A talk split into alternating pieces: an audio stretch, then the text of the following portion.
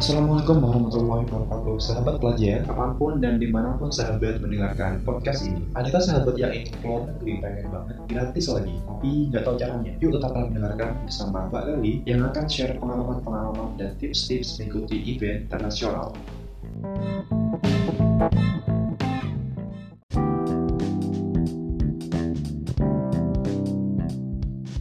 Ya, assalamualaikum warahmatullahi wabarakatuh, uh, teman-teman semuanya. Semoga tetap sehat dan stay healthy di rumah masing-masing atau di kosan masing-masing atau di pondok masing-masing ya. Nah, di sini sebenarnya aku lebih sharing pengalaman aja karena nggak semua jenis kegiatan internasional juga udah aku ikutin, tapi seenggaknya ada beberapa yang itu berbeda jenis kayak gitu. Nah, pertama adalah kenapa sih teman-teman perlu untuk mengikuti kegiatan internasional. Yang pertama adalah ini tentang ngomongin open minded sama enggak. Itu pasti beda banget. Orang yang udah pernah ngikutin eh, orang yang udah pernah terjun di pergaulan internasional sama yang enggak. Karena banyak hal yang di luar sana itu ternyata nggak sesuai sama yang kita kayak gitu. Kemudian kita belajar untuk saling memahami kultur-kultur uh, yang berbeda, uh, religion yang berbeda, kayak gitu-gitu kan. Terus yang kedua adalah tentang um, pengalamannya teman-teman sendiri. Kita nggak munafik ya sebagai seorang sebagai seorang pelajar yang ketika kita mengikuti kegiatan internasional itu otomatis juga akan ngefek ke identitas kita sebagai anggota organisasi misalkan atau sebagai uh, anggota anggota kelas. Iya anggota kelas atau uh, alma maternya teman-teman itu bakal ngangkat banget kayak gitu. Terus teman-teman uh, kalau dari jenis-jenis kegiatannya sendiri ada beberapa ya. Yang pernah aku ikutin yang pertama kali banget itu tahun 2018 volunteernya ASEAN ASEAN Asian Asian Para Games. Jadi itu se Asia se Asia bukan se Asia Tenggara. Ada sekitar 50 eh 54 negara apa ya? Pas sekitar segituan. 50-an negara itu yang gabung di Asian Para Games. Jadi itu kan event semacam ASEAN Games tapi khusus buat teman-teman yang disabilitas. Karena emang aku fokusnya di situ. Terus um, di situ itu sekitar dari persiapannya lalala itu trainingnya dan lain-lain ada sekitar satu bulanan di Jakarta. Kalau untuk pendaftarannya pasti jauh-jauh hari. Kalau untuk event-event yang prestis itu biasanya um, kita nggak ngeluarin duit sendiri. Seenggaknya yang aku rasain di Asian Para Games itu meskipun nggak di awal kita ditanggung pesawat dan lain-lain enggak. Jadi emang harus ada uang buat ke Jakarta kayak gitu kan karena emang ketepatan eventnya di Jakarta. Itu tuh aku nyiapin duit sendiri buat ke Jakarta terus buat makannya di awal-awal. Tapi pada akhirnya itu nanti diganti sama pihak penyelenggaranya. Lumayan kan dapat gaji yang itu UMR gitu. Terus itu gaji bersih teman-teman. Dan udah disiapin kayak makan terus uh, tinggalnya di wisma atlet kayak gitu-gitu. Itu event pertama. Untuk kemudian akhirnya aku berpikir kayak aku pengen ngeluaskan cakrawala kayak gitu kan. Terus akhirnya aku cobalah salah satu acara pertukaran belajar yang yang cuma sebentar banget. Kenapa aku milih kayak gitu? Sebenarnya dari pihak fakultas sendiri, karena aku ketepatan ada di Universitas Negeri Malang, Fakultas Ilmu Pendidikan dan udah deket, lumayan deket lah sama sama beberapa pejabat kayak gitu. Mereka kan minta untuk aku mau mendaftar beberapa international event yang itu pertukaran pelajar tapi aku berpikir kayak aku di sini masih ada tanggungan PI-nya gimana? Kan karena aku juga aktivis. Terus ada beberapa proyek komunitas yang kalau misalkan aku tinggal satu semester atau satu tahun itu sama kayak aku ninggalin mereka sama sekali gitu loh. Sedangkan kan udah di akad ya di awal ketika menerima amanah ya. Jadi akhirnya aku pas tahun 2019 itu uh, ngikutinnya yang cuma semingguan. Itu tuh ke Jepang. Nah terus di Jepang tuh ngapain aja? Kita ada diskus sama KBRI di sana terus kunjungin di universitas terus juga belajar budaya kayak gitu-gitu. Uh, terus ada yang namanya kalau di tingkat perguruan tinggi maupun di SMA invention. Jadi dia itu modelnya kayak lomba. Teman-teman ada penemuan apa?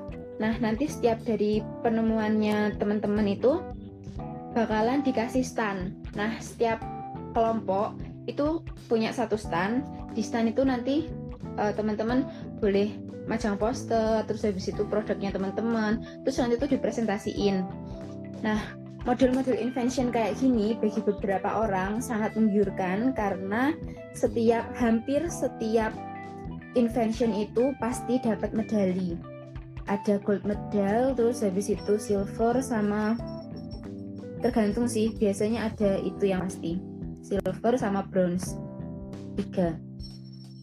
Tapi pernah juga beberapa yang agak high class itu nggak setiap peserta dapat jadi ketika memilih international event itu harus benar-benar dipilah-pilah.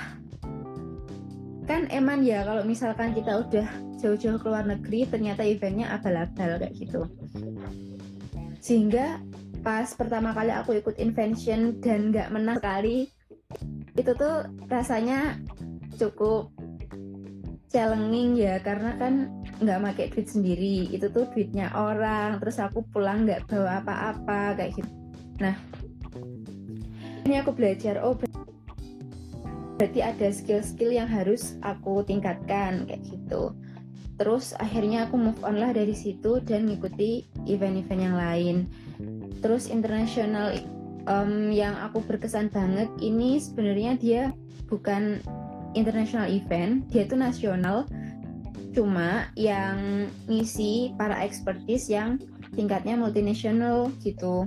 Namanya WCSI Academy.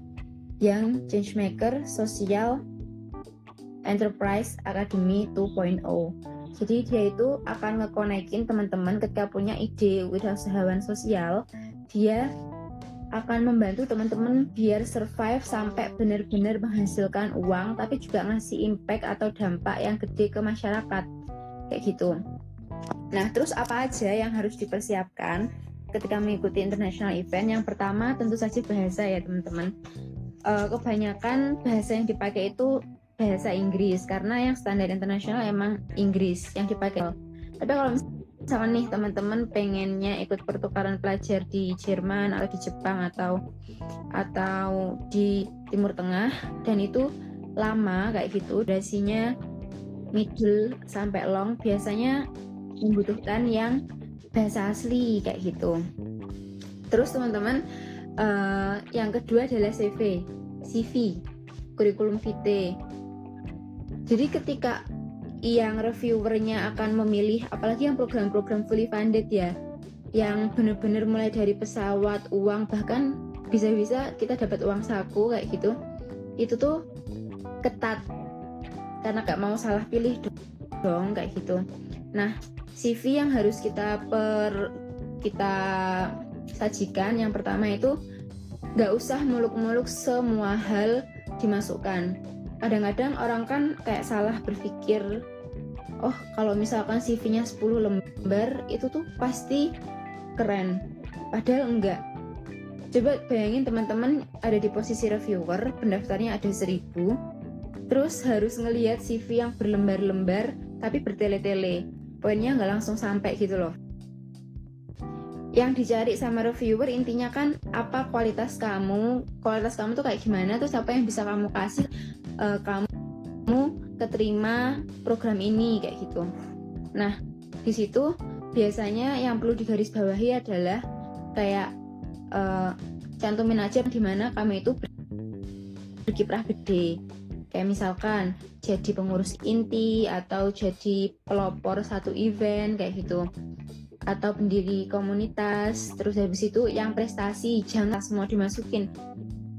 Kalau misalkan teman-teman rajin ngikutin event bisa-bisa yang cuma peserta ini uh, memenuhi sampai berlembar-lembar. Padahal yang mereka mau kan hasil.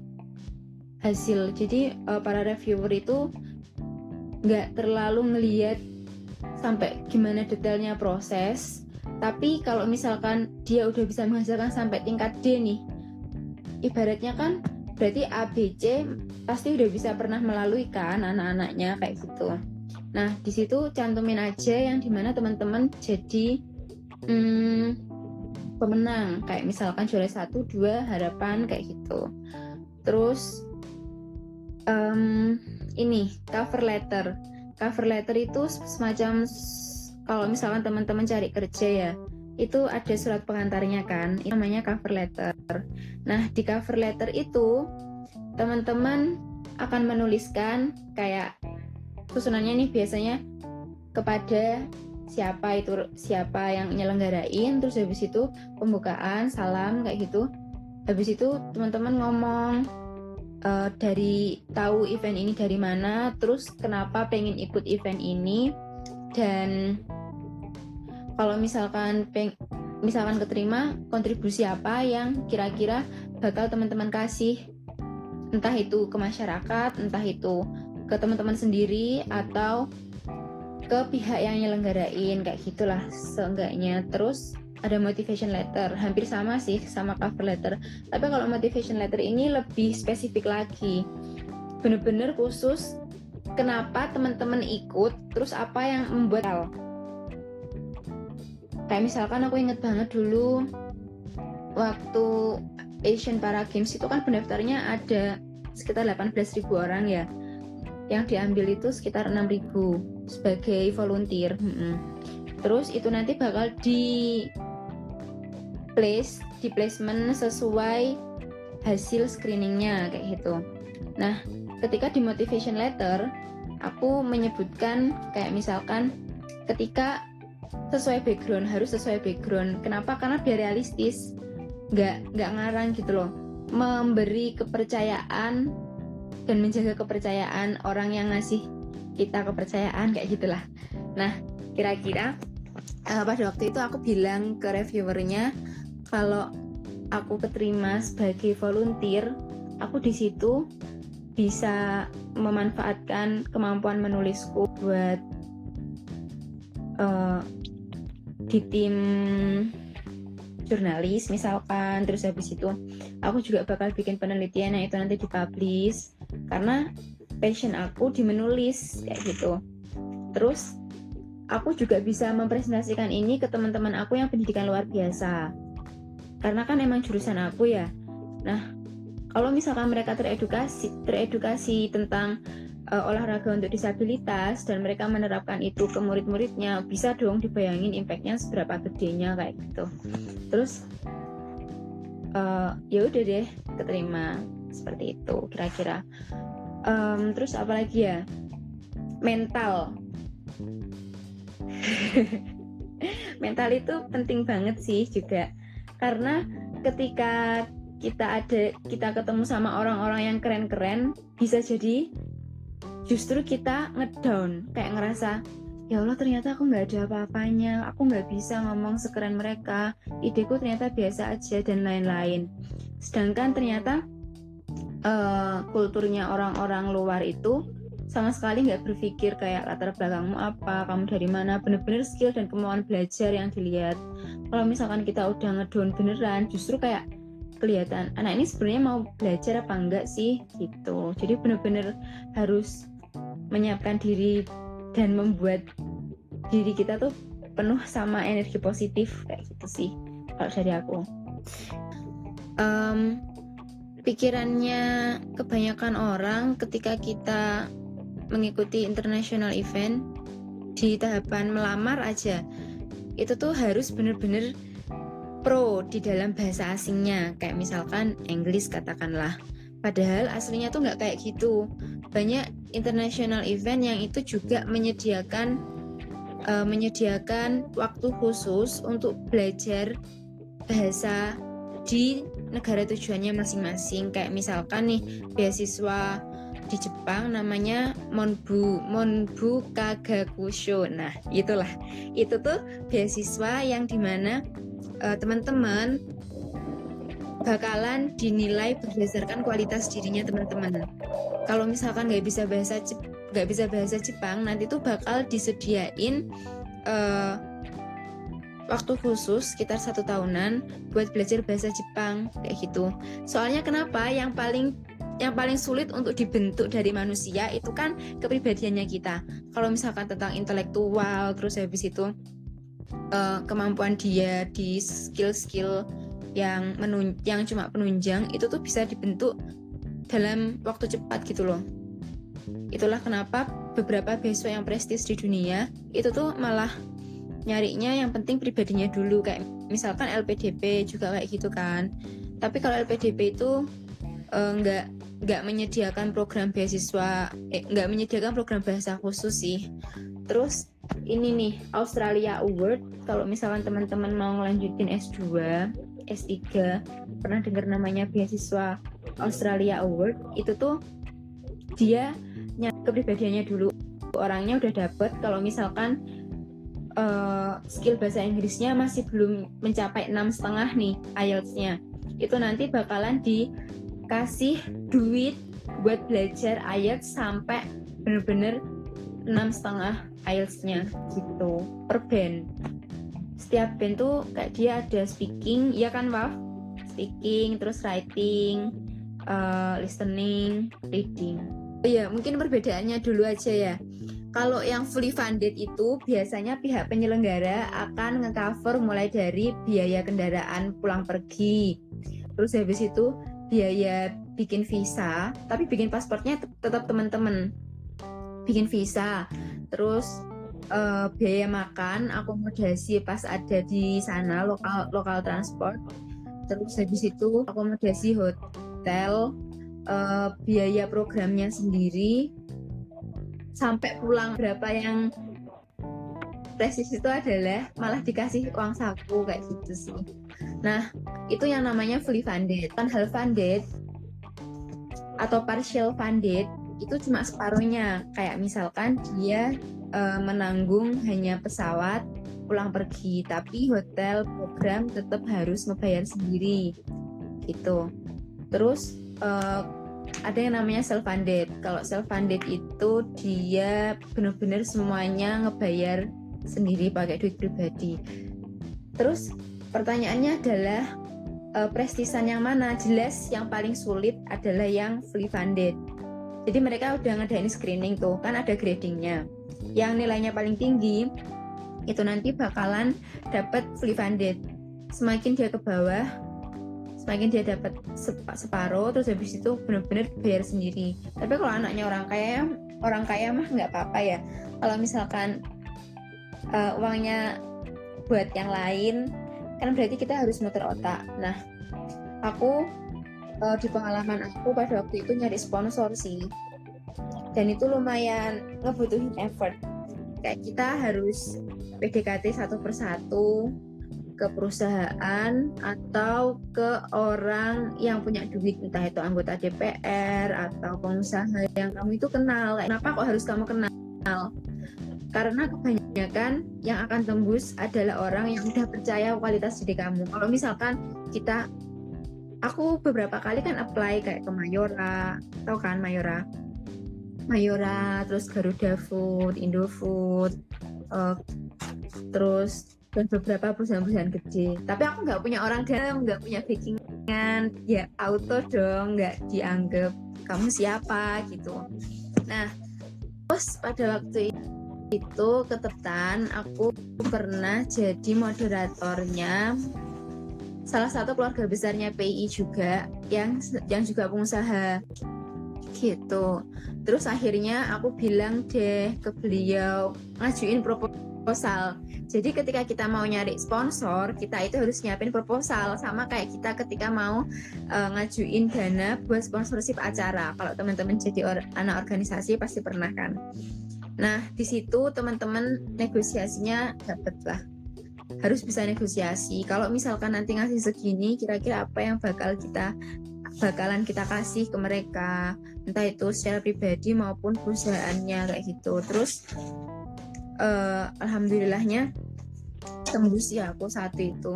Ya udah buat berangkat. Yang uh, International Golden Leader Summit di Jepang itu. Terus um, gini. Kalau misalkan kita mau nyari sponsor itu nggak bisa dadak-dadak nggak bisa terlalu mendadak. Kayak misalkan satu atau dua minggu sebelum acara itu sangat tidak disarankan. Uh, baiknya adalah satu bulan sampai satu tahun sebelum acara itu kayak gitu.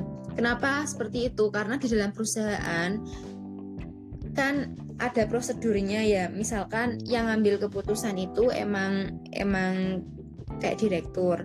Tapi sebelum sampai ke sana uh, ada orang-orang di bawahnya kan. Terus ke keuangan keuangan gimana ngerapatin perlu apa enggak kira-kira ngebi anak ini anak ini nanti bisa ngasih feedback ke kita apa enggak. Terus nanti itu tuh juga bakalan diproses lagi di keuangan baru sampai akhirnya turun ke kita kayak gitu. Terus kalau ngedeketin ngedeketin sponsor atau donatur jangan jangan kayak kita itu minta uang. Jangan sampai kayak jangan sampai kayak orang ngemis. Posisikan diri kita itu punya satu value yang kita itu akan menawarkan ke dia. Pak saya ini bisa ini. Kalau misalkan bapak um, mendanai saya tiket pesawat dan dan ini ini ini yang saya butuhkan sebagaimana di proposal uh, saya bisa memberikan benefit misalkan perusahaannya akan lebih terkenal atau gimana gitu sih. Biasanya kayak misalkan nih sponsorship paket A itu 5 juta meliputi apa aja terus nanti aku bakal ngasih apa aja. Apa ajanya itu waktu itu kalau nggak salah aku nawarin kayak logo perusahaannya terus habis itu aku bikin video promosi gitu-gitu. Terus semakin meningkat semakin gede juga apa yang ditawarkan oleh kita ke, ke beliaunya gitu. Gitu sih kalau misalkan nggak mau pakai angel investor dari orang tua loh ya. Kalau misalkan orang tuanya kaya sih banyak banget anak-anak kayak anak-anak UB anak-anak uh, UI pokoknya yang orang tuanya orang tuanya mampu itu nggak perlu nyari satu-satu kayak gini. Dulu tuh aku pernah uh, udah lolos MUN yang ada di Swiss. Jadi kan kalau PBB itu punya dua headquarter ya yang di New York sama yang di Jenewa Swiss itu pas yang di Jenewa tapi biayanya gede banget kan dan untuk mencari uang sekitar 40 sampai 50 juta per orang per kepala untuk berangkat MUN. MUN itu modul United Nation. Jadi kayak simulasi sidangnya PBB gitu loh. Langsung di markasnya PBB um, sekitar enam bulan sebelumnya itu udah termasuk mepet. Dan akhirnya aku nggak berangkat karena aku tidak se-effort. Kalau di Indonesia itu yang terkenal pertukaran pelajar Indonesia Amerika. Itu buat teman-teman yang pelajar SMA biasanya buat anak-anak kelas 11. Nah, masalahnya adalah informasi ini hanya dikip sama dinas pendidikan dan disalurkannya cuma ke sekolah-sekolah favorit. Kalau misal tapi sebenarnya setiap orang tuh bisa daftar. Nah ketepatan waktu itu sekolahku sekolah favorit di Kediri jadinya aku tahu. Tapi aku baru tahunya telat gitu loh. Nah, kalau misalkan teman-teman mau proaktif, ini juga kunci sih. Kalau misalkan teman-teman punya mimpi kan berarti harus kita yang aktif gitu kan. Kalau teman-teman mau proaktif nanya ke dinas pendidikannya masing-masing kok. Atau terus dipantengin aja di sosial media. Sosial medianya kedutaan Amerika. Terus kayak di website websitenya kedutaan Amerika. Itu bisa banget. Uh, namanya AFS Yes. Itu sekitar satu tahun pertukaran pelajar ke Amerika Serikat. Terus nanti di Amerika itu bakal ya sekolah sekolah terus diajarin banyak skill juga sih. Terus di sana itu biasanya sistem kayak dititipin ke orang tua asuh gitu loh. Nah teman aku yang ikut AFS itu dia kan dititipin ke keluarga Katolik. Jadinya walaupun dia Islam tetap sholat dia juga ikut ke gereja dan ya wis hidup bersama dengan sebagaimana orang orang-orang di Amerika kayak gitu. Belajar budayanya bener-bener membaur kayak gitu sih. Terus balik ke sini balik ke Indonesia dia kembali ke kelas 11 akhirnya dia lulusnya seangkatan sama adik tingkatku berarti kan dia lulus dia menyelesaikan sekolah SMA itu 4 tahun. Karena yang satu tahun dipakai buat ke Amerika dan itu nggak dihitung sebagai sekolah formal gitu. Kalau misalkan yang lain itu biasanya hmm, invention sih buat anak-anak SMA jadi kalau di invention itu model-model invention ada yang dia khusus kategori SMA ada yang khusus kategori SMA sama yang profesional. Nah yang buat SMA ini ya berarti musuhnya khusus anak-anak SMA gitu. Tapi harus teliti dan jeli sih milih invention. Jangan sampai yang penyelenggaranya itu kelihatan kita nyebutnya invention bodong. Cuma minta uang dari para peserta terus habis itu ya udah nggak terlalu prestis nggak ada effort buat belajar si anak gitu loh kalau misalkan teman-teman uh, sekolahnya ada di sekolah swasta favorit biasanya itu nyediain fasilitas buat ikut invention entah itu ke Korea atau Malaysia, Singapura kayak gitu. Tapi benar-benar harus dilihat ciri-cirinya adalah kalau misalkan dia uang pendaftarannya itu mahal banget. Ukuran mahal untuk international event yang invention itu misalkan udah satu juta ke atas di ketika dirupiahkan ya dalam hitungan dolar satu juta ke atas itu udah mahal sih. Terus um, lihat siapa aja yang ikutan. Jadi kan biasanya dia bukan nyelenggarain pertama kali tuh. Teman-teman lihat di webnya kira-kira yang sebelum tahun-tahun sebelumnya itu kayak gimana kondisinya berapa yang ikut terus uh, pesertanya dari mana aja. Kalau misalkan pesertanya itu ada katakanlah dari lebih dari satu region, berarti dia bagus. Itu kalau cuma kayak misalkan Indonesia, Malaysia, berarti kan iya teman-teman bisa menilai sendiri kualitas event itu seperti apa. Tapi kalau misalkan dia diadain di Indonesia, terus dikenal sampai di uh, Zimbabwe misalkan. Berarti kan bagus gitu loh. Dari Zimbabwe mau datang ke sini terus dari Turki mau ke sini kayak gitu-gitu. Itu sih dilihat juga pas eventsnya kayak gimana. Hmm, yang 2018 itu volunteernya Asian Para Games. Terus 2019 yang ke Jepang itu Youth Summit terus habis itu Invention. Inventionnya invention yang itu benar-benar competition satu. Invention yang festival satu. Terus habis itu oh ya yang paling terbaru kemarin tuh aku ngedaftar ini juga. Pernah dengar OIK nggak? Jadi dia organisasi Apa? itu organisasi kepemudaan Islam yang jadi eh, negara-negara Islam para pemudanya itu dijadiin satu ketemu di satu forum terus nanti kayak ngebahas isu-isu gitu loh. Nah sebenarnya waktu itu tinggal re-registrasi doang sih di Azerbaijan. Tapi kadarullahnya aku tuh lupa nggak ngebuka email terus akhirnya nggak nggak jadi ke sana ya udah deh. Tapi ternyata selalu ada hikmah ya. Ketika beberapa minggu setelah itu rame-rame corona di Indonesia dan ada berita teman-teman dengar nggak? Um, wali kota Bogor Bima Arya habis pulang dari Azir Azerbaijan sama Turki kan kena corona positif corona. Jadi dari situ aku kayak hmm, berarti belum waktunya berarti Allah mau, mau menyelamatkan. Gitu sih. Ini nih yang perlu digarisbawahin international event yang prestis juga nggak harus selalu ada di luar negeri.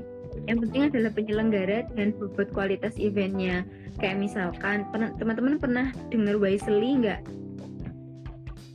Wisely itu salah satu program yang dibesut sama pemerintahnya Amerika untuk uh, meningkatkan kapasitas pemuda dan biasanya emang langsung kayak turun ke lapangan maksudnya nge-solve satu problem yang itu ada real di lapangan gitu loh. Itu biasanya basically nggak melulu di luar Indonesia jadi kan gantian-gantian gitu. Jadi kalau misalkan mau uh, ngelamar eventnya pun yang dilihat kualitasnya jangan di mana event itu diselenggarakan. Waktu aku di Jepang itu aku tertipu dengan drama-drama yang ada di internet sama TV jadi kan kita kalau ngelihat salju itu kayak indah ya indah asyik buat mainan. Ya ternyata salju itu sangat menyakitkan. Dan aku sampai sesak nafas deh sesak nafas terus kakiku tuh kayak merah-merah ngeluarin darah gitu loh. Saking nggak kebiasaannya sama dingin apalagi emang aslinya di Indonesia juga punya alergi dingin. Dan aku nggak tahu kalau ternyata salju itu semenyak sekejam dan menyakitkan itu. Kalau tahu gitu kan ya dari awal udah bawa banyak jaket yang tebel banget gitu sih.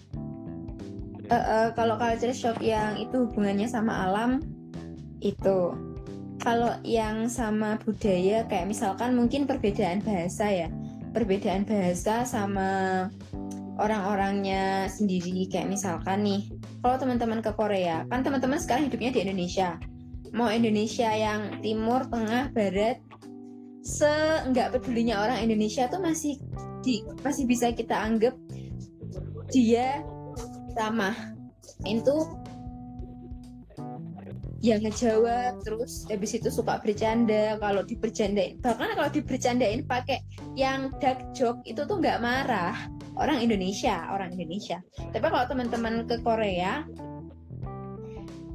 teman-teman hanya perlu menyiapkan diri untuk merasa kesepian. Soalnya kalau dari aku dengar aku dengar dari teman aku yang sempat di Korea enam bulan dia itu merasakan culture shock yang paling kerasa banget adalah orang-orangnya sih. Orang-orang di Korea kalau ditanyain dia jawab diajak diajak buat ngobrol. Yang penting-penting ngejawab di kampus juga rame. Cuma kalau udah balik tuh ya udah ngomong seperlunya. Terus nggak mudah ngeremehin. Kayaknya model-model joke yang gelap yang kayak nyinggung sara atau ngeremehin orang itu tuh nggak berlaku di gitu sih. Orang-orang yang suka humor dan ceplas-ceplos pasti itu bakalan. Jadi pembelajaran yang banget buat menyesuaikan diri. Ini nih aku inget um, kan kalau misalkan aware nggak sama perbedaan ya aware sih cuma ternyata yang ada di kenyataan itu pada yang kita proyeksikan. Aku juga udah bawa jaket tebel terus habis itu uh, apa namanya kayak hot cream gitu-gitu. Cuma itu tidak cukup untuk mengatasi mengatasi dinginnya salju sana gitu. Ketika ber sebelum berangkat kan browsing-browsing dulu ya gimana kondisinya di Jepang misalkan. In buat survive di sana ketika musim dingin. Udah bawa jaket-jaket tebel terus hot cream kayak gitu-gitu. Tapi ternyata tetap nggak bisa masih belum adaptif lah tubuhku kayak gitu sih terus ini yang menarik ya tentang culture shock itu waktu aku ke Malaysia jadi sebelum aku ke Malaysia itu pikiran aku pas masih jadi anak-anak Malaysia itu adalah negara yang miskin budaya dan suka mencuri budaya orang. Terus mereka itu pasti licik. Itu di pikirannya anak kecil. Terus ketika aku udah di Malaysia, terus ketika aku udah ada di sana, langsung interaksi sama orang-orangnya, ternyata ya enggak. Mereka juga kayak orang-orang Indonesia. Terus misalnya, kan dulu kan pernah rame ini ya mencuri batik, mencuri batiknya Indonesia ternyata tanpa tanpa menjadi niatan mereka, mereka pun juga udah mengenal batik gitu loh. Dengan motif yang berbeda jelasnya. Motifnya mereka punya motif sendiri yang itu kita nggak ada gitu loh. Tapi sama-sama namanya batik. Dan emang itu satu karya seni yang sama kayak kita pakai canting gitu-gitu. Jadi aku mikir kayak oh emang ada mirip-miripnya terus kenapa kenapa sampai sebenci itu gitu loh kita sama saudara kita yang sesama Melayu jadi aku ngerasa ngerasa lebih terbuka sih dari situ. Terus kayak misalkan nih masalah masakan. Aku dulu tuh berpikir cuma masakan Indonesia doang yang kaya akan rempah-rempah. Makanya orang-orang Eropa itu datang ke Indonesia buat ngejajah sampai rebutan kan? Sekutu Amerika, Inggris, Jepang dan lain-lain. Terus ketika aku udah hmm, punya beberapa temen yang yang di luar Indonesia kayak misalkan dari Thailand, terus dari Singapura, dari Malaysia itu tuh ternyata di sana juga dikenal rempah-rempah makanannya juga makanan-makanan berempah terus kayak akan bumbu. Habis itu ada juga yang namanya nasi kuning terus nasi lemak yang itu mirip-mirip kayak nasi apa sih kalau di Indonesia itu nasi gurih gitu-gitu. Beda nama dan emang itu tuh turun menurun turun menurun gitu loh dari nenek moyang mereka kayak makanan khas. Jadi yang salah siapa dong? Kan emang kalau ditelusuri dari uh, sejarahnya dulu pas masih kerajaan masih masih satu gitu loh satu budaya satu satu saudara kayak gitu sih kayak misalkan wayang di sini juga ada yang kesenian mirip-mirip wayang di Thailand. Gitu. Ya di detik-detik terakhir ya teman-teman. Satu hal sih ketika teman-teman ketemu sama orang yang pernah keluar negeri jangan gampang kalau orang Jawa bilang gumunan. Jangan jangan gampang terpesona gitu loh karena belum tentu orang yang bisa keluar negeri itu bener-bener orang yang berkualitas kan tadi kan ada jenis-jenis grade uh, international event ya gitu terus aku masih inget banget buat closing statement ini ketika aku ke Jepang nggak dimarahin sih di salah satu forum itu uh, dutanya Indonesia yang ada di Jepang bilang kalau kali ke sini jauh-jauh harus ada sesuatu yang dibawa. Kalian mau diskusiin apa sama orang-orang hebat yang ada di sini? Kalian mau bawa ide apa buat dimatengkan sama orang-orang yang ada di sini? Gitu. Kalau orang Jepang bilang itu namanya waza-waza. Jadi kebiasaan ketika kita melakukan sesuatu maka kita tuh harus punya misi misi apa yang mau kita tawarkan buat uh, orang-orang yang ada di sana jadi ketika kita pulang ada sesuatu yang kita bawa untuk orang-orang yang nggak dapet kesempatan sama kayak kita masih belum sempat ke Jepang tapi seenggaknya ilmunya kecipratan kan kayak gitu. Nggak cuma kita bawain jajan terus habis itu udah selesai. Yang paling yang paling sulit untuk didapat itu kan transferan pengalamannya kayak gimana.